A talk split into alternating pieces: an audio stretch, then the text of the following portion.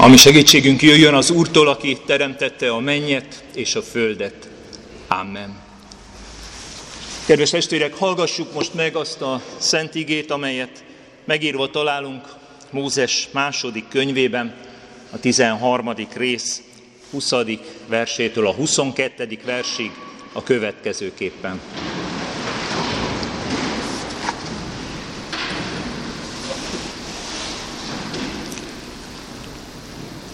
Akkor Izrael gyermekei fölkerekedtek Szukkódból, és tábort ütöttek Étámban, a puszta szélén. Az Úr pedig előttük ment nappal felhőoszlopban, hogy vezesse őket az úton, éjjel meg tűzoszlopban, hogy világítson nekik, és éjjel-nappal mehessenek. Nem távozott el a felhőoszlop, nappal, sem a tűzoszlop éjjel a nép elől. Az Úr hágya meg ezt az igét mindannyiunk szívén. Amen.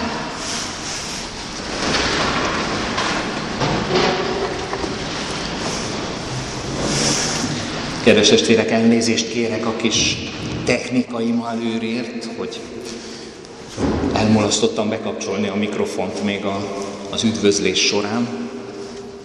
Ugye, ha az ember útra kell, akkor érdemes számolni azzal, hogy egy ilyen úton váratlan kihívások is érhetik. Egy kortárs író, James Norbury, magyarul is megjelent aforizma gyűjteményében, következő kérdést teszi fel. Mi a fontosabb? Az út vagy a cél? A szerző nagyon érdekes választ ad erre a kérdésre, mert amikor megfeleli a saját kérdését, akkor kiderül, hogy se nem egyik, se nem másik. Egy harmadik dolgot nevez igazán fontosnak. A társ, akivel az úton haladsz. Az az igazán fontos. Ez a Mózes második könyvéből már a kijelölt ige szakasz, amit az imént hallhattunk, Izrael, Izrael pusztában vándorló népét jeleníti meg a lelki szemeink előtt. Egy közösséget, akik úton vannak. Vándorolnak. Vándorolnak a pusztán át. Állomásról állomásra.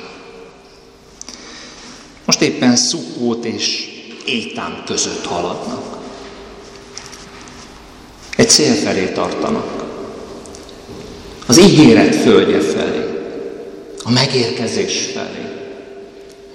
Ahol majd rendbe jönnek a dolgok. Ahová majd olyan jó lesz megérkezni. De a Szentíró sem arról ír, hogy éppen mit is tesznek, hogyan is haladnak most az úton, annak viszontagságairól nem tájékoztat bennünket, és nem is arról ír, hogy mi várja őket az utuk végén. Mintha ismerné a brit saját kérdésére adott válaszát, a Szentíró is arról beszél, hogy Izrael gyermekei nem járnak egyedül hanem valaki társként oda szegődik melléjük, és kíséri őket az úton. És tudjuk jól, nem másért kíséri őket az úton, mint hogy jelenlétével segítse őket.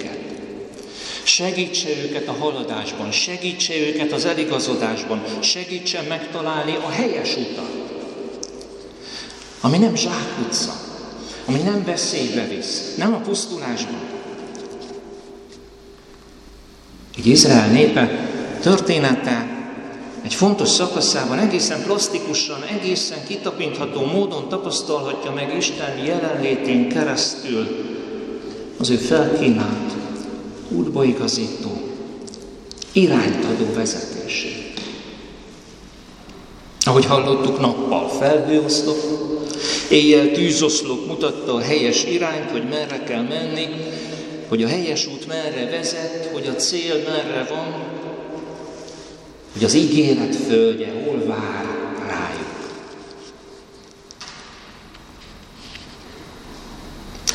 Merre tovább? Merre vezet a helyes út?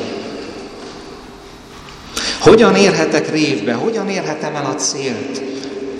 Olyan szorongató kérdések tudnak ezek menni az ember számára, akkor is, amikor az életünk során talán mi magunk is elérkezünk bizonyos válaszutakhoz, amikor mi magunk is küzdködünk az előre haladással. Hát most hogyan tovább? Olykor, hogy ezek a válaszutak csak kis erejű döntések, máskor olyan döntéshelyzetek, amelyek egész életünket meghatározzák. Van, aki ezt talán a pályaválasztás kapcsán éli meg. Hova adjam be a jelentkezésem? Mi legyek? Merre induljak? Hol találom meg a boldogulás útját?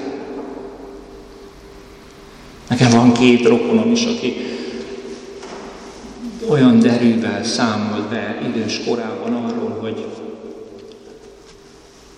az a csodálatos ajándéka az Istennek, hogy azzal kerestettem a kenyeremet, amit a legszívesebben csinálok.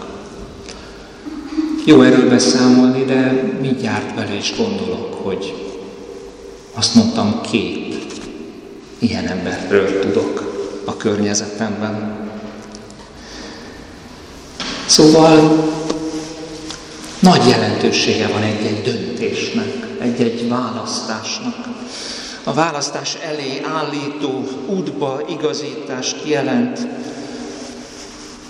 hogy menjek vagy maradjak kérdése. Hogyan kap feleletet? Hogy azt, amit eddig csináltam, folytassam-e, vagy kezdjek inkább valami újat?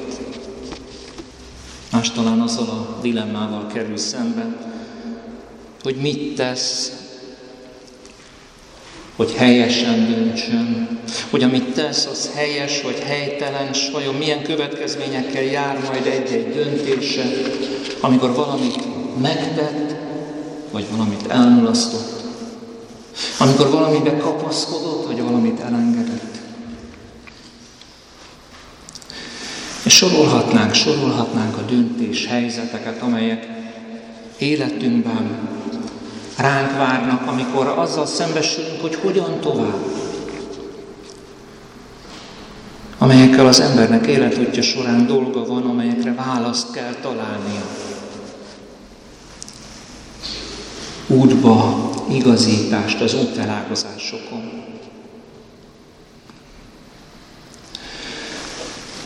Ilyenkor fogalmazódhat meg bennünk a kérdés, hogy kire hallgassak, ki segít. Hisz annyi impulzus ér bennünket. Annyi irányból áradnak ránk véleményformáló szándékkal, követésre hívó hangok. Kinyitom a tévét, elindítom a laptopomat, kimegyek az utcára, fölülök a buszra, és már is áradnak rám a különböző hatások, amelyek próbálnak magukkal ragadni, próbálnak valamilyen útra rávezetni, melyek állítják, hogy erre vissza helyes ösvény. Gyere és járj velünk. Gyere és kövess bennünket. Melyikre hallgassa?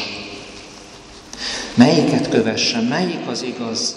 Melyik nem vezet romlásba? Ma is nagy kérdések ezek.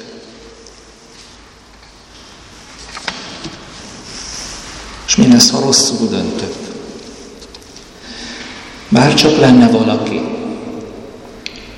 akiben feltétel nélkül megbízhatok. Bár csak lenne valaki, aki megmutatja döntéseim következményét, bár csak lenne valaki, aki őszintén minden érdektől, hátsó szándéktól mentesen támpontot ad.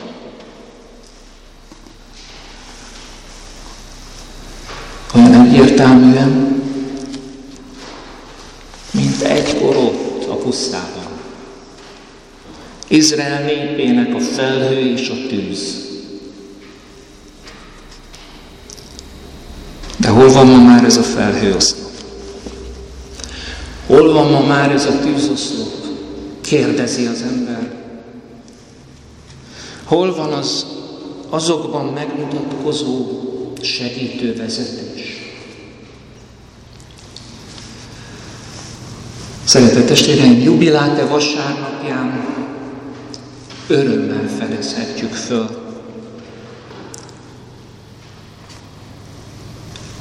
És örömmel mondhatjuk ki, hogy ebben az igében megszólal a vallomás, a bizonyságtétel,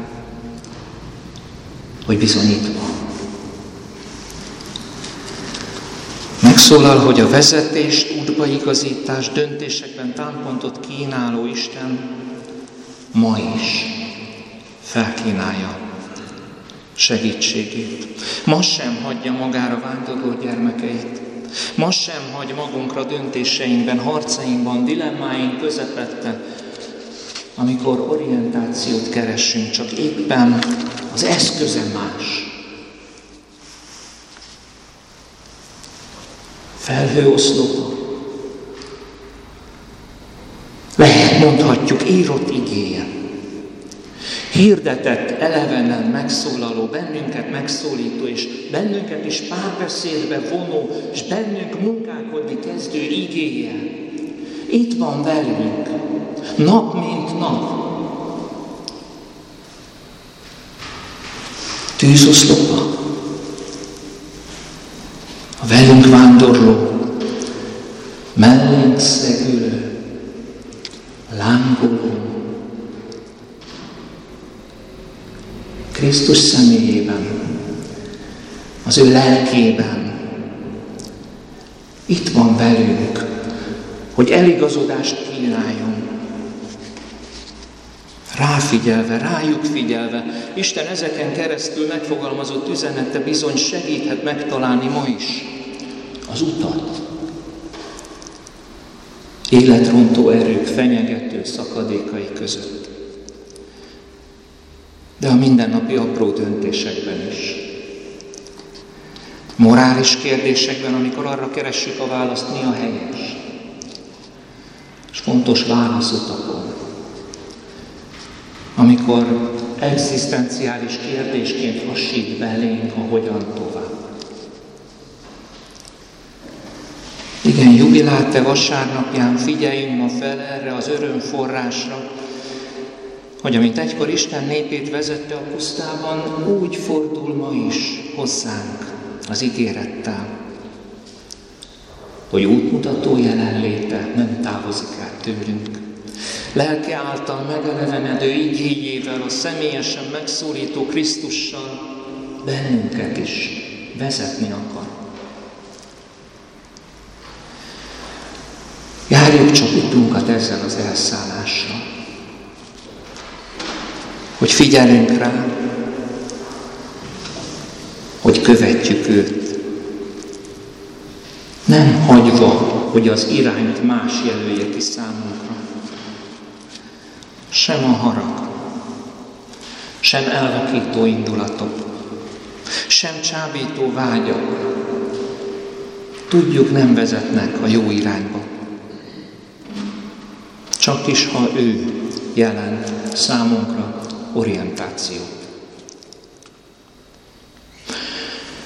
Mi a fontosabb hát? Az út vagy a cél? A válasz a társ, akivel az úton haladsz. Isten, aki ma sem marad el tőlünk, és így lehetnek döntéseink, a lehető legjobbak. Így érhetünk célba. Lélegzett elállító magasságok és sötét mélységek megjárása után is. Őt követve, ő vele. Amen. Köszönjük, Urunk, hogy Te nem hagysz el, nem maradsz el mellőlünk. Mennünket annyi minden hív, annyi minden csábít. Sokszor összezavarodunk a szívünk mélyén, a lelkünkben, az elménkben. Sokszor olyan erővel hatnak ránk környezetünk hangjai, a szirén hangok. Kérünk, segíts mindig rád figyelni, hogy az a felhő és az a tűzoszló, a te drága jelenléted mindig jóra vezető társunk legyen utunkon. Amen. Dicsőség az Atyának, a Fiúnak és a Szent Léleknek, miképpen kezdetben volt, úgy legyen most is mindörökké. Amen. Kedves testvérek, most válaszol Isten igényére, énekeljük a kitűzött 364-es számú ének első verszakát.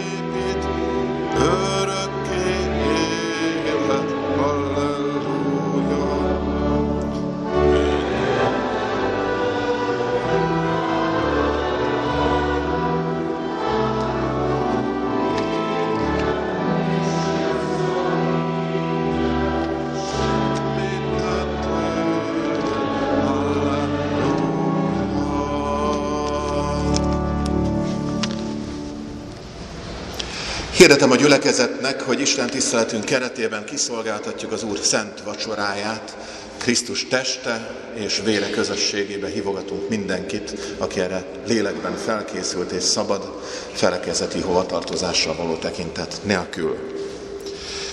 Ezen a mai Isten tiszteletünkön örömmel vettük, hogy Esperes úr, Cselovszki Ferenc vállalta az ige hirdetés szolgálatát, ez ahhoz is kapcsolódik, hogy közvetlen az Isten tisztelet után egyház községi közgyűlés keretében kapunk hírt az április 6-ai lelkészi hivatalban lefolytatott rutinszerű esperesi hivatal vizsgálat eredményéről, amelynek el, előterjesztője Cseloszki Ferenc esperes úr lesz.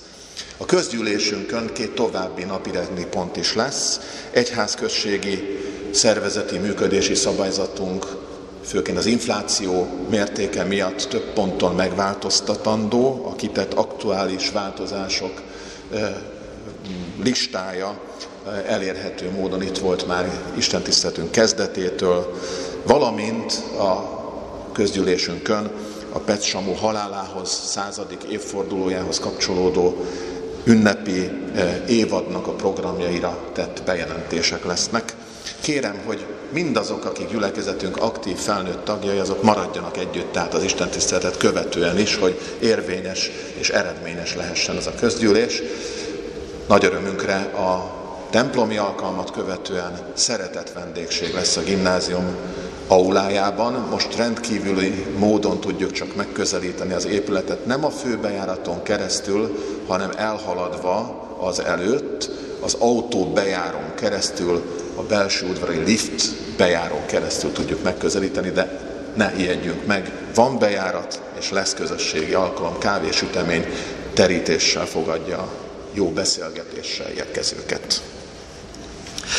Hirdetem azt is, hogy ezen a héten, rögtön a hétfői napon délután 5 órakor online biblia órára beszélgetésre hívogatjuk a gyülekezet tagjait. A szokásos módon a Facebookon közzétett Meet linken keresztül lehet most is csatlakozni.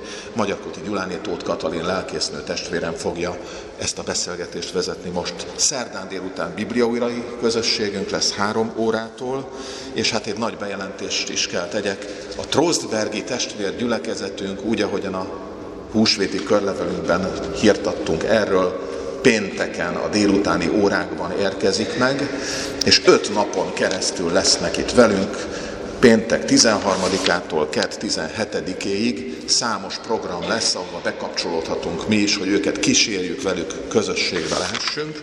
Ezekből csak néhányat emelek most ki. A szombati napon Fótra megyünk egész napos kirándulásra, ahol a Fóti Kántorképző Intézetet, a rozottani római katolikus plébánia templomot látogatjuk meg, majd kedves gyülekezeti tagjainknál, a Tasnádi családnál leszünk a lovas panzióban, egy bográcsos kerti partin együttlétben. Természetesen vasárnap együtt ünneplünk, a húsvét ünnepe utáni negyedik vasárnapon, ahol a gyülekezet köszöntését, a Trosbergiek köszöntését is együtt élhetjük át. Itt jelentem már be azt is, hogy ezen az Isten tiszteleten nagy örömünkre egy konfirmációra készülő fiatal testvérünk, a Fasor diákja, Gyombolai Fanni keresztelőjére is készülünk. Ők ezekben a percekben is még Pilis Csabán vannak. Az Evangélikus Élet magazin címlapján látható egy Pilis Csabai kép, a címlap sztori nem más, mint az ott élő, a Bétel missziói otthonunkban élő ukrajnai menekült család, erről számol be Kézdi Péter lelkész. Mi pedig konfirmandusainkkal, tíz konfirmandussal éppen itt töltöttük és töltjük a hétvégét, most Katalin lelkésznővel, én pedig már itt vagyok, de fontos, hogy őket is hordozzuk, tehát imádságban, akik pünköstkor fognak hitvallással és áldás kéréssel az oltár előtt állni majd.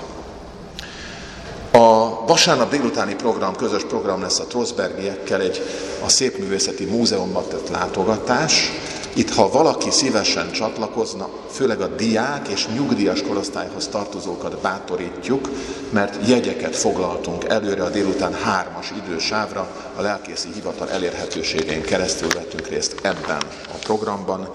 Hétfőn este 6 órától pedig mindenkit szeretettel hívunk, pontosabban 7 órától a gyülekezeti központunkba, tehát 16-án hétfőn este 7 óra a búcsúest nem más, mint Oppic Bertold, hegedűművész és Kertész Rita zongorista kamara koncertje, amit egy rövid szeretett vendégség követ majd a e, Trosbergi testvéreinkkel együtt. Mindenről részletesen a Facebookon és gyülekezetünk honlapján is olvashatunk majd, a jelentkezésekre pedig bátorítunk mindenkit, akár a szeretett vendégség keretén belül is.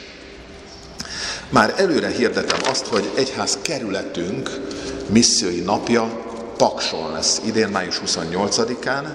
Buszos kirándulás keretében szeretnénk részt venni ezen a programon. 28-án szombaton reggel 3-8-kor indulunk, és este 8-8.30 körül érkezünk. A buszos programot, vagy az indulást is támogatja az egyház kerület, így mind össze 1000 forintos hozzájárulást kérünk az úti költséghez a jelentkezőktől, és azt tervezzük, hogy egy nagyszerű paksi pincészetnél egy vacsorát is tartunk, mint csak külön fasori program. Erre 2500 forintot kérünk a jelentkező felnőttektől, a gyerekek desszertet fognak kapni, az ő számukra 1500 forintos hozzájárulást kérünk a vacsora költségeihez. Itt hirdetem már azt is, hogy az egyház megyében pedig egy olyan missziói nap lesz, ami megszoktuk, hogy itt a Fasorban többször volt, már pünköst hétfőjén, írjuk be a naptárba, hogy június 6-án Újpesten lesz a missziói nap, ennek a programja nagyon színes és már kézbe vehető. Nem lesz templomunkban aznap Isten tisztelet, hanem a közösséget ott fogjuk együtt megélni. Hát ez nagyon változatos és sűrű program már is, ami előttünk áll. Most még kiegészítésül annyit mondok, hogy az elmúlt vasárnap persejpénze 13.550 forint volt, az adakozásra most is bíztatunk mindenkit. Az Evangélikus Élet magazin kapható a kiáratnál, ajánljuk mindenki szíves figyelmébe. És végezetül Isten békessége, mely minden értelmet meghalad, őrizze meg szíveinket, gondolatainkat Krisztus Jézusban, feltámadott Urunkban. Amen. Megkezdett énekünk a 364-es számú ének második verszakát énekeljük, miközben presbitereink a persejezés szolgálatát végzik közöttünk.